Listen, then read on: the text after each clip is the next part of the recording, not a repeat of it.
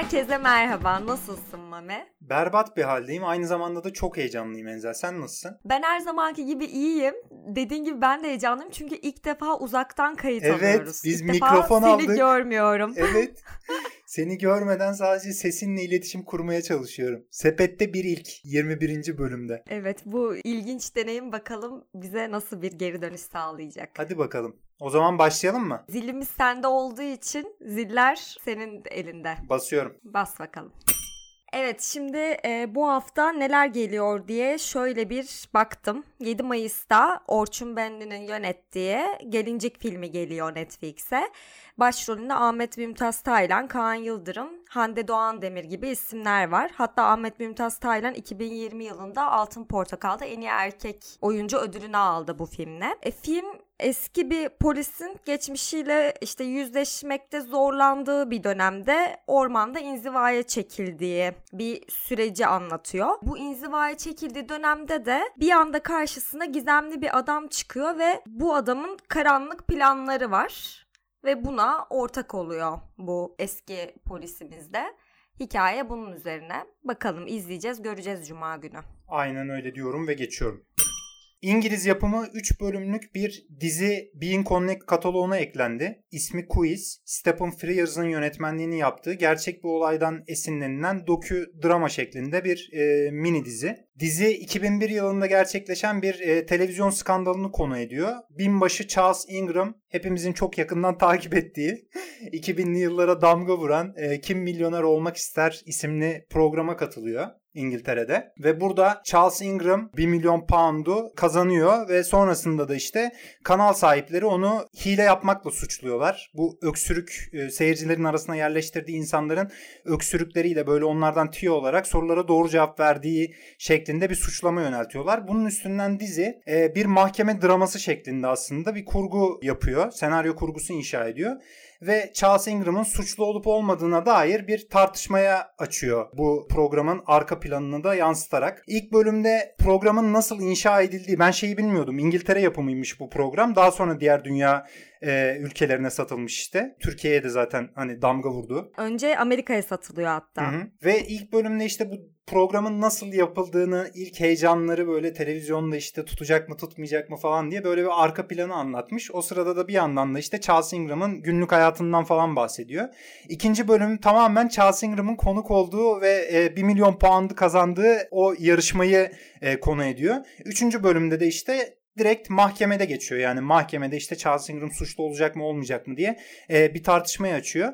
Ve aslında şu anda da tam kanıtlanmış bir şey yok. Hani suçlu mu değil mi diye net bir şekilde belirlenememiş bugüne kadar. Ama ben şeyden e, üniversitedeyken böyle YouTube böyle yeni yeni popüler olmaya başladığında falan şeyi hatırlıyorum yani. Böyle bir öksürük meselesi üzerinden işte biri İngiltere'de kazanmış bunu. E, böyle bir video dönüyordu. Onu hayal mail hatırlıyorum. Ama dizi tabii çok daha etraflıca anlatıyor. Ve oyuncu kadrosundan bahsedeceğim. Heyecan verici bir oyuncu kadrosu var. Matthew McFadden oynuyor. Başrolünde Charles Ingram'ı. Succession'dan bildiğimiz. E, Sian Clifford da eşini oynuyor. Fleabag'de Phoebe'nin ablasını oynayan hanımefendi. Ve geçtiğimiz ay hayatını kaybeden Helen McCrory de Peaky Blinders'daki polimiz e, mahkemede Charles Ingram'ın e, avukatını oynuyor. Yani dizi böyle draması çok güçlü olmasa da hani yüksek tempolu ve bu olayı böyle bu yarışmayı yakından takip eden fanlar için e, oldukça güzel 3 bölümde derli toplu bir biçimde anlatıyor yani. Buradan izlemeyenler varsa önerebilirim. Enzel sen de izledin diziyi. Senin yorumlarını alabilir miyiz? Açıkçası bana dizi çok heyecan verici bir dizi gibi gelmedi. Olay yani aslında çok böyle şey yani sansasyonel bir olay ya. Çok böyle düz bir şekilde anlatmışlar gibi hissettim ben. Hani izletiyor kendini çünkü çok derli toplu. Ama onun dışında böyle çok e, heyecanlanmadım açıkçası. Mesela hala daha adamın e, bunu hile kullanarak mı kazanıp kazanmadığı belli değil ya. Mesela ona karşı da şu an benim bir şeyim yok hani heyecanım yok. Hani acaba gerçekten öyle mi böyle mi diye. Birazcık o bakımdan çok hızlı ve enerjisiz bir iş olarak gördüm. Aslında ben enerjisini ve temposunu yüksek buldum ama senin de dediğin gibi böyle karakterlerin kuruluşu ya da senaryonun e, dinamikleri açısından çok böyle bir şey vaat etmiyor. Ee, ama 3 bölümlük böyle bir mini dizi olduğu için daha uzun bir sezonu olsa mesela muhtemelen önermezdim. Aynı yapıda inşa edilse. Hani kısa bir yapıda e, sunulduğu için böyle çerezlik ne bileyim Ay, bence izlenebilir gibi üç geliyor. bölüm 3 bölümlük bir mini dizi yapmaktansa bunu böyle 100-120 dakikalık bir film şeklinde izlemek daha makulmüş gibi geldi bana. Evet olabilirmiş bence de. Diyorum ve geçiyorum o halde. Evet ben de bu hafta durmadım. Bir dizi daha izledim. Netflix'e gelen El Innocenta dizisini izledim. Harlan Coben'in romanından uyarlanan bir dizi bu. Oriol Paolo'nun çektiği e, İspanyolların işte gizem gerilim ve böyle ters köşe reisi olan yönetmenimiz. Ee, şey hani kendisine Contratiempo, işte El Cuerpo, Los Ojos de Julia gibi filmlerden biliyoruz gerçekten böyle aşırı katmanlı ve böyle entrikalı hikayeler üzerine film yapıyor. E, bu dizinin konusu da 9 yıl önce bir gece karıştığı bir kavgada kazara birini öldüren Mateo diye bir karakter üzerinden ilerliyor. E, bu kazadan sonra e, hapse giriyor karakterimiz. Kendisi bir hukuk öğrencisi. E, sonrasında çıkıyor bir şekilde hapisten ve hayatını tekrardan kurmaya çalışıyor. Kardeşi işte hukukçu ve o da işte hukuku bitirip yanında çalışıyor. Ve Olivia diye biriyle tanışıyor ve yeni bir hayat kuruyor kendine. E, tam bu kurduğu hayattan başlıyoruz bizi izlemeye. E, eşine bir gün bir telefon geliyor ve bir iş seyahatine çıkacağını söylüyor. Ve ondan sonra tüm hayatları değişiyor bir anda. E, bu Olivia'nın sırları işte Matt'in e, geçmişiyle birlikte sarmal bir hikaye oluşuyor. Ve Matt'ın e, tekrar hapse girme riskiyle karşılaşıyoruz hikayede. Ya açıkçası zaten Oreo Paolo'nun filmlerinde hep böyle bir geçmiş sırları, bir intikam teması sürekli hani tercih ettiği, anlatmayı sevdiği temalar. Ama bazen öyle olmayacak ayrıntılarla hikaye kuruyor ki ya böyle hikayenin açığı olmuyor ama insan böyle ayrıntılar ve böyle abartı ve boğucu şey bir hikayenin içinde kalıyor. Ya aslında ana teması çok basit bir şey. Ee, ama hikaye aktarımı sade olmuyor. Ya aşırı entrika dolu oluyor. E, bu işte karmaşık ve katmanlı olmasından dolayı da böyle insana ucuz gelen bir yanı var yazdığı hikayelerin. E, böyle kaotik bir şekilde vermesine rağmen böyle karakterlerin hikaye içinde böyle aşırı ayrıntılarını bilmemize rağmen böyle derinlikleri olmuyor karakterlerin. Karakterlerle aşırı bir bağ kuramıyorsun o yüzden. Böyle aşırı bir oyunculuk da göremiyorsun senaryodan dolayı. E, böyle belki basit bir hikaye anlatsa çok daha iyi anlatabileceğini ve aktarabileceğini düşünüyorum ama kendisi böyle hikaye ne kadar karmaşıklaştırırsa o kadar zekice olacağını düşündüğü için e, ve ya çok ilginç bir şekilde her her seferinde çok karmaşık bir hikaye anlatmasına rağmen bir yerden bağlıyor ve toparlıyor da. Yani ve bu tarz kurduğu için de hikayeyi izleyici sürekli çok zekice geliyor. Ve bunun arkasına sığınarak sürekli üretim halinde bu yönetmende. İzleyelim mi peki? Türkiye'de de çok yani popüler açıkçası, oldu galiba değil mi? Evet aşırı popüler oldu. Ya yönetmen zaten hani Türkiye'de sevilen bir yönetmen. Hı-hı. Dünyada da öyle. Dediğim gibi işte bu e, karmaşık hikayeleri anlatma konusunda ve ters köşe konusunda ciddi anlamda herkesin böyle takip ettiği ya şey gibi aslında bu hani eğlence için izlediğim filmler vardır ya. Hı-hı ya onun işte bu gizem, entrika ve intikam hikayeleri versiyonu gibi düşün. Anladım. Yani bunu gerçekten o anlamda izleyeceksen yani birazcık çerez e, hani gözüyle bakarsan gayet tatmin olursun yani. Ama çok abartı yanları var tabii ki. Tamam. Ben izlememiştim. Bilmiyorum çok da tatmin olmadım söylediklerinden yine izlemeyebilirim.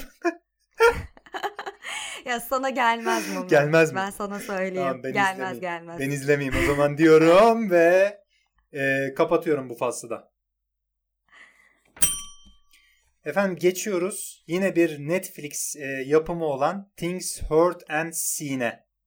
All Things Cheese to Appear isimli bir romandan uyarlama. Elizabeth e, Brandage'ın yazdığı 2016'da yayınlanan bir roman bu. Yönetmenleri Shari Springer Berman'la Robert Puccini. Bu ortak yönetmenleri de aslında en çok e, şeyden hatırlıyoruz. American Splendor diye 2003 yapımı bir filmleri var. Sundance ve Cannes'dan da ödüllerle dönen. Şu anda bu film e, Blue TV kataloğunda da var. Dileyenler izleyebilirler. İlginç bir yapısı var filmin. Bu filmde de aslında korku, gerilim ve e, dram türlerinde. Yakın dönemde de çok e, aşina olduğumuz bir e, korku türünün dramatik yapıyla iç içe geçtiği ve dram tarafının çok daha güçlü olduğu e, bir filmle karşı karşıya kalıyoruz. İşte bunu Hereditary'den ya da Midsommar'dan ya da bu yıl izlediğimiz Selma, Selma gibi yakın dönemden hatırlayabileceğimiz filmlere aslında pas atıyor ama bir yandan da onlar kadar güçlü bir hikaye anlatamıyor ve çok fazla klişelere düşüyor. Özellikle anlattığı hikayeyi böyle twistlerini özellikle çok önceden böyle hissettirip e, insanı takip ederken çok böyle zekice kurgulanmamış bir senaryoyla karşı karşıya bırakıyor. Başrollerinde de Amanda Seyfried'la e, James Norton oynuyorlar ve bizim Better Call Saul'dan bildiğimiz Better Call Saul'da Saul Goodman'ın kız arkadaşını oynayan Rhea Seehorn da var kadrosunda filmin. İstersen sen bir konusundan bahset sonra daha detaylı konuşalım. E, film 80'li yıllarda geçiyor öncelikle. Genç bir kadın var. Eşinin işi gerekçesiyle Manhattan'daki hayatını bırakıp küçük bir kasabaya taşınması gerekiyor ailesiyle birlikte. E, bu taşınma işi gerçekleşiyor. Bu taşınma sonrası hem taşındıkları evle ilgili hem de eşi hakkında bazı sırların olduğunu fark ediyor ve bu sırları açığa çıkartmaya çalışıyor. E, ya film açıkçası e, bir yandan acaba çok yenilikçi mi diye izledim şey açısından. Ya şimdi bu hani hayaletli bir ev e, şeyi var ya anlatısı. Hı hı. Şimdi her hayalet kötü değildir gibi bir şeye geliyor aslında. Filmin böyle bir cümlesi Hı-hı. var. Hani bu çok gördüğümüz bir hayaletli perili ev anlatımı stili değil aslında. Evet.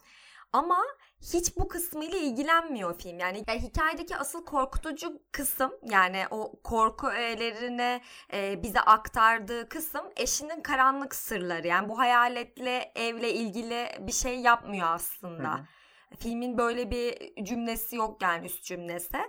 E, bu işte korku ve gizem daha çok bu evlilikte ve e, adamda aradığımız için... Hı hikayenin e, bu kısmının derinleşmesi şart gibi geliyor bana. Hı.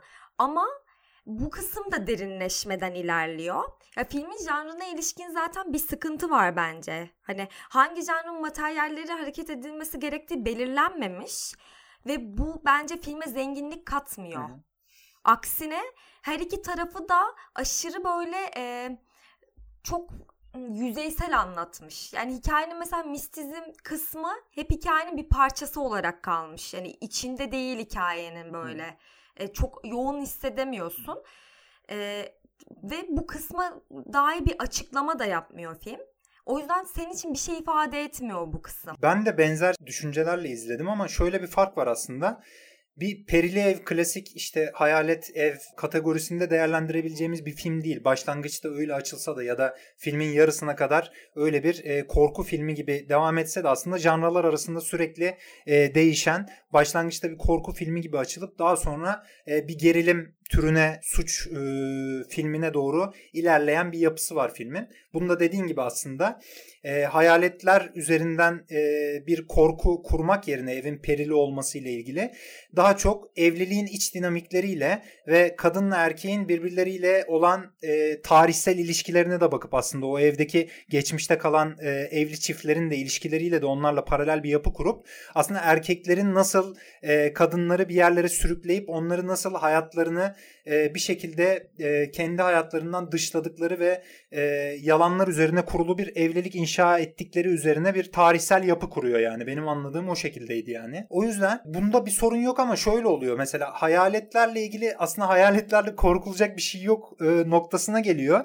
Ama o kurduğu yapıyı bir yerden sonra film tamamen bırakıp onunla ilgili senaryosundaki boşlukları doldurmadan hemen böyle bir bir anda gerilim filmine dönüşüyor. Böyle Shining gibi bir yapıya dönüşüyor mesela. Oradan sonra da mesela e, oyuncuların dediğin gibi ya da karakterlerin birbirleriyle olan ilişkileri de e, çok klişeler üzerine ya da daha önce çok e, diğer filmlerde de görebildiğimiz bir anlatıya dönüştüğü için hani filmi bütün olarak zaten meta puanları falan da çok düşük. Ele aldığında hani kesinlikle ben birine önermem mesela izlemesi için yani. Ya tabii canım dediğine katılıyorum. Mesela o ilk girişte bir işte hayaletli ev hani perili ev anlatacak gibi girip sonra aile draması üzerine yoğunlaşacak gibi hissediyorsun. Sonra bir toksik bir erkek eş hikayesine dönüşüyor aslında. Yani aile dramasından da çıkıyor iş tam ona odaklanacak diyorsun. Ama bunlar olurken hani karakterlerin de derinleşmesi hiçbir şekilde gerçekleşmiyor. Böyle film başlarken zaten böyle draması ve o doğaüstü korku unsurları birbirine böyle iyi bir şekilde aslında böyle iç içeymiş gibi hissettiriyor. Öyle gözüküyordu. Ben şey demiştim hani aa ilginç bir şey çıkacak galiba buradan diye. Ama hani ikisinde hiçbir şekilde tam olarak istediğimiz o pik noktasına vardırmıyor. Hani birini seçip onu böyle pik noktasına vardırsa yine ben okey olacağım filme. Ama film gerçekten çok askıda kalmış bir film yani. Gerçekten bu bence düşünce aşamasında kalmış bir iş. Ve hani hayata geçirilmemesi gereken bir noktasındaymış hani hissettim ben. Sanki üzerine e, çalışılması gerekiyormuş, o çapakların atılması gerekiyormuş, sadeleştirme ya da daha derinleştirilmesi gerekiyormuş ama o taslak üzerinden yine de biz yapalım ya dermiş evet, evet. gibi. Açık bırakılan ve soru işaretiyle kalan o kadar çok nokta var ki hikayede. Gerçekten katılıyorum buna. Ama şeyi sevdim açıkçası. Filmle ilgili en sevdiğim şey neydi dersen yani. Amanda Seyfried'in o e, evliliğin içerisindeki bir kadının e, nasıl yavaş yavaş tükendiğini hem oyunculuğunda hem de karakterinde görebilmek senaryo açısından da yani. E, filmin belki de en başarılı yanıydı. Onun dışında mesela eşini oynayan James Norton'ın e, hem senaryo anlamında hem de oyunculuk performansı anlamında çok iki boyutlu kaldığını düşünüyorum yani. Hani böyle Evet bu hikaye aslında James Norton'un hikayesiymiş gibi anlatılıyor filmin ikinci yarısında. Hı-hı. Gerçekten onun hikayesiymiş gibi oluyor ama e, dediğine katılıyorum. Amanda Seyfried bence çok daha iyi yazılmış. Çünkü o böyle beklenmedik bir hamilelik sonucu yaşadığı bir evlilik var. Evliliğe karşı tereddütleri var. Evlendiği kişiye ilişkin e, bazı sırlar açığa çıkıyor. Onun için hayatını değiştirmek zorunda kalıyor. Bunu çok iyi yüklenmiş ve çok iyi temsil etmiş bence. Ve hani iyi bir temsil de sinematografisiyle de aslında bu karanlığa doğru gidişi de e, mevsimler üzerinden kurgulamışlar işte başlangıçta bir e, baharla ondan sonra kışa doğru giden bir sıralama var yani. Ve e, yavaş yavaş aslında filmin renk paleti de kendi kullandığı işte kamera kullanımı da yavaş yavaş bu karanlık atmosferi kuracak şekilde tasarlanmış. Ama bunlar çok dışa dönük ve izleyicide e, hiçbir merak unsuru uyandırmayacak neredeyse açıklıkta yapıldığı için bir yandan aslında o gizem türünün kullanabileceği çok fazla unsurunu da e, es geçmiş ve korku açısından da keza öyle filmin ilk bölümünde hani bizi korkutmaya çalıştığı o anlarda da böyle çok komik e, kalabilen böyle yerler var. O açılardan gerçekten başarısız bir e, örgüsü olduğunu söylemek mümkün. En komik kısmı da bence şeydi. Bir anda böyle her şey çok normalmiş gibi ruh çağırdılar ya. Ya orası gerçekten çok komik. Dedim ki ne yapıyorsunuz ya her şey tamam yani bütün şeyleri kurşunları atma ya yeter dedim. Evet. Bir de çok makul bir şeymiş gibi yapıyorlar bunu. Evet evet. Hani hepsi hazırmış yani bunu yapmak için. Ya eğlendim o kısımda açıkçası. Diyelim ve bence çok bile konuştuk Things Earth and the Scene alakalı ve geçelim diyorum. Geçelim o zaman ya. Allah'ım yine Netflix. toplanma nedeni. Aynen. bu hafta Netflix'e çalıştık. Netflix maaşlarımızı yatırınca bu hafta Netflix'e çalıştık. The Disciple isimli bir Hindistan bağımsız filminden bahsedeceğiz. Yakın zamanda Netflix kataloğuna eklendi. Chaitanya Tamhane isimli bir genç yönetmen 34 yaşında yanılmıyorsam ve ikinci uzun metrajı gerçekten çok parlak bir e, yönetmen olduğunu söylemem lazım. İnanılmaz bir e, kamera kullanımı var kendine has ve e, kameranın içerisine dahil ettiği bütün unsurlarla aslında olabilecek maksimum düzeyde bir hakikati gerçekten yakalama çabasıyla aslında bütün sinematografisini ve kamera kullanımını bunun üzerine inşa etmiş bir yönetmen ve aslında senaryo e, kullanımında da bunu görüyoruz. Yani senaryoyu nasıl yazdığında da olabildiğince etraflı bir biçimde taraf tutmadan olayı bütün yönleriyle ele almaya çalışan hem senaryosunda hem de e, kamerasında e, bir yönetmen. Bu filmle ilgili biraz trivyalardan bahsedeceğim. Birkaç röportajını dinledim. Yönetmenin 21 yaşındayken yazdığı Grey Elephants in Denmark diye bir oyundan uyarlamaymış aslında film. Ve burada bir sihirbazın hikayesini anlatıyormuş normalde Enzel'cim. Biliyor muydun bilmiyorum bunu. Aa süper bir fikirmiş yalnız Ve bu. sihirbaz üzerinden işte bu e, filmde yapmaya çalıştığı o dönüşümü ya da e, nasıl diyeyim artık sihirbazların herhalde e, günümüzde pek de bir şey ifade etmediği o e, saçma hali belki de anlatmaya çalışıyormuş oyunda. Sonra bunu e, hiç aslında müzikle ilgili de bir bilgisi olmamasına rağmen Hint klasik müziğiyle ilgili e, bir şeye çeviriyor. E, Hint klasik müziğiyle ilgilenen bir genç bir adamın e, yıllara yayılan belki de 20 yıla yayılan bir müzik içerisinde Hint klasik müziği yapma hikayesini anlatıyor. Bu dönemde de işte şöyle bir şey oluyor bu 20 yıl içinde. Artık değişen teknolojik e, çağla birlikte izleyicilerin de ya da müzik e, tüketicilerinin de e, bu müzikal ürünleri tüketen insanların da alışkanlıklarının değişmesiyle birlikte aslında e, bir e, hiçbir zaman günümüzde bir anlamı olmayan belki de geniş kitlelere ulaşamayacak ya da böyle anlamlı bir kitleye kendi müziğini buluşturamayacak bir adam haline dönüşüyor ve bir yandan da aslında bu adam çok da yetenekli de değil aslında bu Hint müziğini e, icra etmek için. Ve e, Hint müziği de şöyle aslında yaptıkları şey raga denilen bir e, yapı var. Böyle hazır yapılar var. Bizdeki Türk sanat müziğindeki makamlara benziyor bunlar. E, bu raganın üzerine vokaller bir doğaçlama e, inşa ediyorlar. Bu doğaçlamayı da işte e, seyirciler böyle konserlerde dinleyerek böyle çok ruhani, çok meditatif bir yapısı var müziğin. Starla e, çalınıyor çoğunlukla ve yanında da işte vurmalı çalgılar oluyor. E, istersen sen buradan bir konuyu daha derinlikli anlat. Sonra e, filmin neden çok e, sevdiğimizi ve güzel olduğundan bahsedelim yani. Şöyle aslında sen güzel özetledin konusunu. Sharat Nerulkar diye bir karakterimiz var. Hindistan'ın işte klasik müziği olan rag, onlar rag diyor galiba, raga diye çevriliyor Türkçe'ye. E, raga müziğinde ustalaşmaya çalışıyor bu genç ama hani genç olmasına rağmen gerçekten üzerinde ölü toprağı varmış gibi bir karakter. Aşırı bezgin ve yorgun bir profil yani. Özgüven problemleri de yaşıyor kendi içinde. E, bu işte klasik Hindistan müziğinde çok başarılı olup ünlü olmak arzusu içerisinde e, bir gencin hikayesinin peşindeyiz aslında bu filmde. Ve bunu anlatırken e, biraz arada kullandıkları e, şeylerden bahsetmek istiyorum. Çok, çok böyle yaratıcı bir fikir bence. Bu böyle klasik müziğin etkisinde hareket eden genç bir karakterin anlatıldığı bir hikaye varken bir yandan da ya o ses Hindistan gibi bir programda ünlü işte yakalayan genç bir kadın sanatçının hikayesini de böyle göz ucuyla bakmamızı sağlıyor. Hani bir öyle bir akışı var filmin.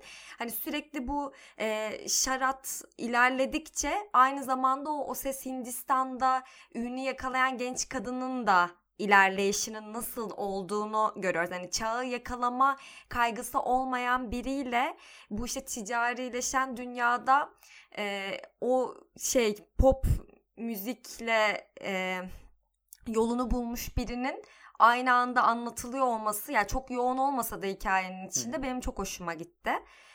Ee, aslında yani değişen zamanda sıkışmış bir sanatçıyı anlatıyor. Aynen öyle. Yani bir hayatın ve bir umudun böyle zamanla ve hayatla böyle yok oluşu gibi bir anlatısı var aslında en kaba tabirle. Aynen ticarileşen dünyada hala da hani neredeyse ilahi gibi bir müzik tarzıyla e, kendini işte ününe yakalayacağını düşünüp Hı. bunun üzerinden sonrasında hayal kırıklığına uğrayan ve aslında baktığımız zaman da aşırı yalnız hissettiğimiz bir karakter. Çünkü ben baktıkça aşırı yalnız olmasına falan çok üzüldüm ve böyle müzikle ilgilenen çabalayan karakterlerin anlatıldığı çok Hı-hı. hani film izledik Hı-hı. aslında işte Whiplash'i izledik mesela işte hoca ile öğrenci arasındaki ilişki genellikle bu filmlerle karşılaştırılıyor Hı-hı. hani işte Inside Levin Davis'i izledik mesela orada da e, bir sanatçının kendisi hani nasıl ünlü olurum nasıl daha iyi yerlere gelirim diye bir çabası vardı mesela bunların yanında bu çok niş bir iş kalıyor çok niş yani çok ve daha çok farklı. daha hakiki bir anlatısı var ve şöyle aslında müzikle hiç bilgisi yokmuş dedim ya yönetmenin. Hindistan Hint müziğiyle. Hı hı. İki yıl kadar bir araştırma yapmış. Sürekli Hindistan klasik e, müziği yapan müzisyenlerle röportajlar yapmış, konserlere gitmiş, kitaplar okumuş ve filmi işte sihirbazdan bir müzisyenin hikayesine çevirdiği anda aslında senaryoyu yazmaya başladığı anda şeyi düşünmeye başlamış. Yani bir oyuncuyla bunu yapabilir miyim? Bu hikayeyi anlatabilir miyim diye. Ve oyuncularla böyle e, işte nasıl çalışabilirim diye düşünürken e, birkaç tane de prova almışlar. Ve e, aslında o Hint klasik müziğinin o ruhani atmosferini bir oyuncunun asla istediği gerçekçilikte yansıtamayacağını fark etmiş ve filmde de başrolde oynayan aslında bir oyuncu değil ve gerçekten Hint klasik müziğinde e, icra eden e, bir müzisyen yani. Aa ben bunu evet. bilmiyordum. Ben de şeyi e, çok başarılı buldum ve bunun hakkında hani bir yorum gördüm. Oradan hani tabii ki başarılı buldum. Yani raga çok doğaçlama klasik böyle monoton böyle kendini tekrarlayan bir motifte ilerleyen bir şey müzik Hı-hı. türü. Filmde de aslında sürekli e, monoton kendini tekrarlayan bir karakter görüyoruz. Aslında değişmiyor hiç. O yüzden hani filmde de böyle bir alegorisi de var gibi hani seçilen müziğin bu şekilde olması bile hı hı. hani o karakterle çok bağdaşıyor ve böyle hani at gözlüğü takmış ve öyle hareket eden bir karakter bu. Bu da şeyi sağlıyor aynı zamanda. Sadece müzikte kalmıyor anlatımı. Bu Hint klasik işte halk kökenlerindeki o görev bilincine hı hı şey çok iyi mercek altına evet, alıp evet. hani nasıl insan kimliğini yuttuğunu gösteriyor evet. aslında o Hint kültüründeki o görev bilincinden dolayı insanların hani farklılaşamaması Hı. üzerinden bu rock üzerinden anlatmak bunu çok zekice bir fikir Kesinlikle yani. ve bu modernleşmeyle ilgili bir film aslında. Hani müzik üzerinden anlatıyor olabilir ama bunu işte Türkiye gibi, Hindistan gibi sonradan e, Avrupa bloğunda ya da Amerika'da olmayan sonradan modernleşme süreçlerini gerçekleştiren ya da geç modernleşen ülkelerin hepsinde aslında ya da kapitalistleşen, geç kapitalistleşen ülkelerin hepsine dair evrensel bir şey de söylüyor. Evrensel bir hakikat de sunuyor film. E, ve aslında şey dedin ya karakter çok değişmiyor diye. E, filmde 21, 36 ve 40'lı yaşlarına odaklandığı 3 bölüm var karakterin. Ve bunları böyle çekerken de işte e, kilo almış, e, işte bıyık bırakmış, e, bıyıklarını kesmiş falan filan böyle karakter. Farklı farklı zamanlarda kesmişler. Bir de çocuk çok da anlamlı bulmadığım bir çocukluğuyla, babasıyla kurduğu ilişkiye de değiniyor. Ve babası da aslında bu raga müziğine, Hint klasik müziğine e, ömrünü adamış, araştırmalar yapmış falan bir adam. Zaten oğluna da oradan geçiyor aslında bu, e, oradan devralıyor yani e, bu raga müziğinde icracı olma fikri. Ve filmin aslında iki bölüme ayırdığımızda filmi ilk bölümünde böyle daha old school çekilmiş. Daha eski dönemleri böyle daha umudun olduğu. Hani karakterin de böyle e, eski ustaların e, kayıtlarını dinleyerek ya da onların kitaplarını okuyarak yıllarca bu müziğe emek verdiğinde, yıllarca prova aldığında, vokal provası yaptığında aslında e, bir yere gelebileceğine inanıyor aslında filmin bir yerine kadar ve gençlik umudunu biraz daha fazla görüyoruz yani. Sinematografide de keza bunu görüyoruz.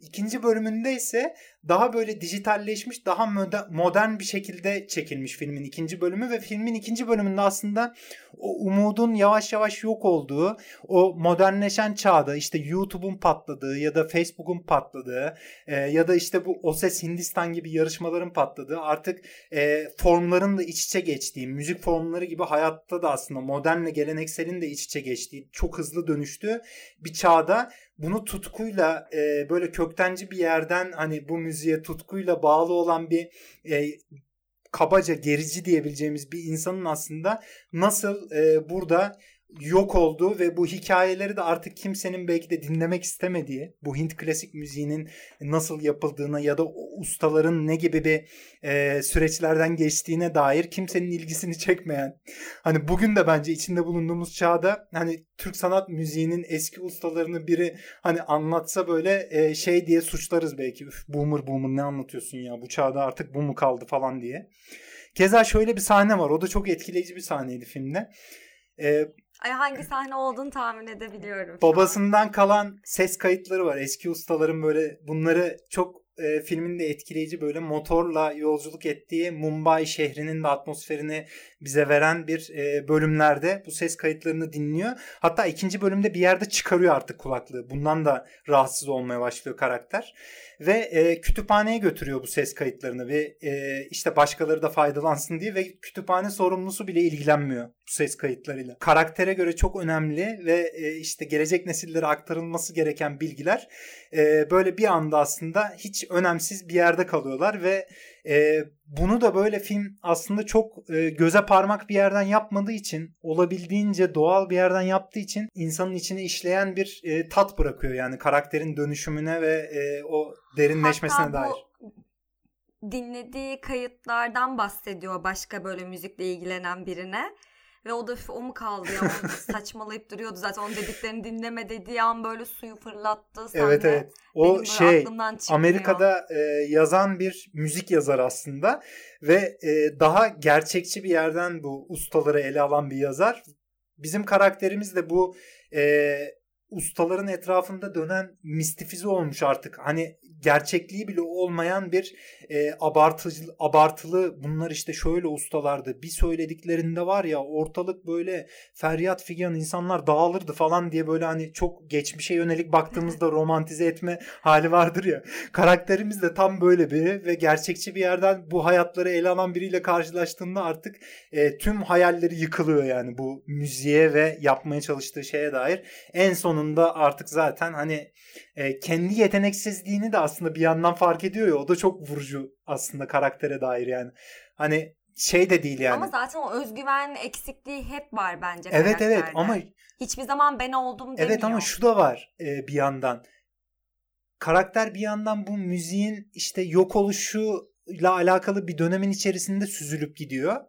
Hani böyle havada asılı kal- kalmaya çalışıyor. Bir yerlere tutunmaya çalışıyor. Ama bir yandan da kendisi de çok e, yetenekli biri değil aslında. Hani belki o kadar yetenekli ya da bu çağın dinamiklerine o kadar hakim bir insan olsa bir şekilde e, ayakta kalabilecek vokal olarak. Keza filmin sonunda da zaten artık vokallik bile yapamayacağız. Babasının babası gibi olmak istemezken aslında tıpkı babası gibi bir araştırmacıya dönüşüyor. Yani bu da aslında e, böyle birçok şeyi sanatla ilgilenen ya da bu tip alanlarda sanatın e, nasıl yapılacağına dair e, alışkanlıkları da böyle mistifize edip sanatı da mistifize edip romantize edip e, onunla ilgili gerçekçi bir yerden yaklaşmayan insanların çağın dinamiklerine uygun davranamayan insanların hani neye dönüşebileceğine dair gerçekten hem sinematografisiyle hem de senaryosuyla inanılmaz bir bakış sunuyor yani. Ben sadece filme şöyle bir eleştiri getirebilirim. Ya bu karakterin uğradığı değişim bir tık daha sanki erken olması gerekiyormuş gibi hissetme. Yani seyirci o yılma ve yorgunluk hissine bence ulaşıyor. Hani film içinde bunda hiçbir sıkıntı yok ve bu hisse ulaşmamız da hani bize keyif veriyor yani filmin gerçekten bize dokunduğunu gösteren bir şey ama biraz sarkma yaptığı için film sıkılmaya dönme ihtimali oluyor bu yılma ve yorgunluk hissinin. Bir tık belki konsantre şekilde anlatılmış olsa daha fazla izleyiciye ulaşabilecek bir film olabilirdi diye düşünüyorum. Evet bence zaten hani şey söyleyelim bu herkese önereceğimiz bir film değil yine. Daha böyle hani bağımsız sinemayla arası iyi olanlar izlerlerse mutlaka keyif alırlar diye düşünüyorum ama daha ana akım sinemayı takip eden insanların çok da keyif alacağı bir film değil yani dediğin gibi. Zaten çok ağır bir ritmi var aslında. Yani güçlü bir ritmi var ama çok yavaş bir temposu var yani filmin.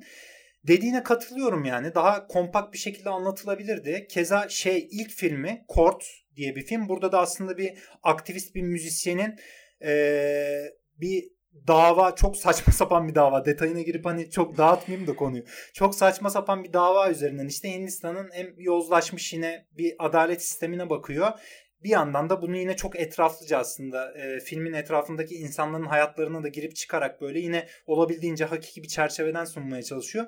Kort mesela bu senaryoya göre çok daha e, kompakt bir film çok daha bir olayın etrafında çizilmiş. O olayın etrafında karakterleri Aynen alan. ve daha fazla karakter üzerinden anlattığı için daha e, izleme hani seyir keyfi daha yüksek Evet. bir film o yüzden. Çünkü o sistemin sıkıntılarını herkes yönünden Hı hı. hani gözler önüne seren hı. bir film. Burada karakterin böyle dört dönemine e, odaklanıp böyle yavaş yavaş bir anlatı kurduğu için e, dediğin gibi daha ağır işleyen bir yapısı var. Ben de şeyi fazla buldum mesela. Çocukluğunu gösterdiği böyle retro sahneler vardı ya işte hayal gibi e, babasıyla olan evet. ilişkileri bana çok gereksiz geldi. O zaten anlıyoruz yani karakterin nasıl bir süreçten geçtiği, işte illa da bunu babasıyla olan çocukluk sahnelerini göstermesine gerek var mıydı bilmiyorum ama yönetmen de aslında şunu demiş bir röportajında. Yani orada benim Hindistan'a dair hatırladığım çocukluğumdaki Hindistan'a Mumbai'ye dair hatırladığım böyle bir e, şeyi de nostaljik böyle bir yapıyı da göstermek istedim gibi bir şey söylüyor yani. O yüzden Hani zaten çok da diyecek bir şey kalmıyor o yüzden. Aynen özel bir yorum evet. katmış kendisi ama harika bir başarısızlık hikayesi Kesinlikle. diyebilirim. Ben keyifle izledim açıkçası. Bu arada bir ek bir trivia daha söyleyeyim. Alfonso Cuarón e, yapımcısı filmin. Yani bir çırak sinemacılara ustalar buluyor aslında birbirleriyle hani alışverişte bulundukları bir program vasıtasıyla Alfonso Cuarón'un dikkatini çekmiş herhalde Kort'tan sonra yönetmen ve ondan çok şey öğrendiğini falan da söylüyor yani sürekli hani filmin yapımı aşamasında da destek olmuş. Herhalde onun zaten Netflix'te olan ilişkileri de çok kuvvetli. O yüzden böyle Netflix kataloğuna e, eklenmesini beklemeyeceğimiz e, bağımsızlıkta bir film olmasına rağmen eklendi yani. Valla iyi ki eklenmiş. Evet iyi ki eklenmiş. Güzel oldu yani. Güzel bir e, seyir deneyimi oldu bizim için de. O zaman vır vır konuştuğumuz bu uzaktan kayıt aldığımız bölümümüzü kapatalım. Kapatalım. Nasıl kapatalım? Bir şarkı söyler misin? Kapatalım? Şarkıyla kapatalım. Şarkı değil de yani çok basic bir yerden şunu söylemek istiyorum. Sepet sepet yumurta sakın beni unutma. Unutursan küserim. Mektubunu keserim. Ben de evet, zil Allah burada. seni ıslah etsin zil. diyorum ve zil zil. haftaya görüşmek üzere. Hoşçakalın.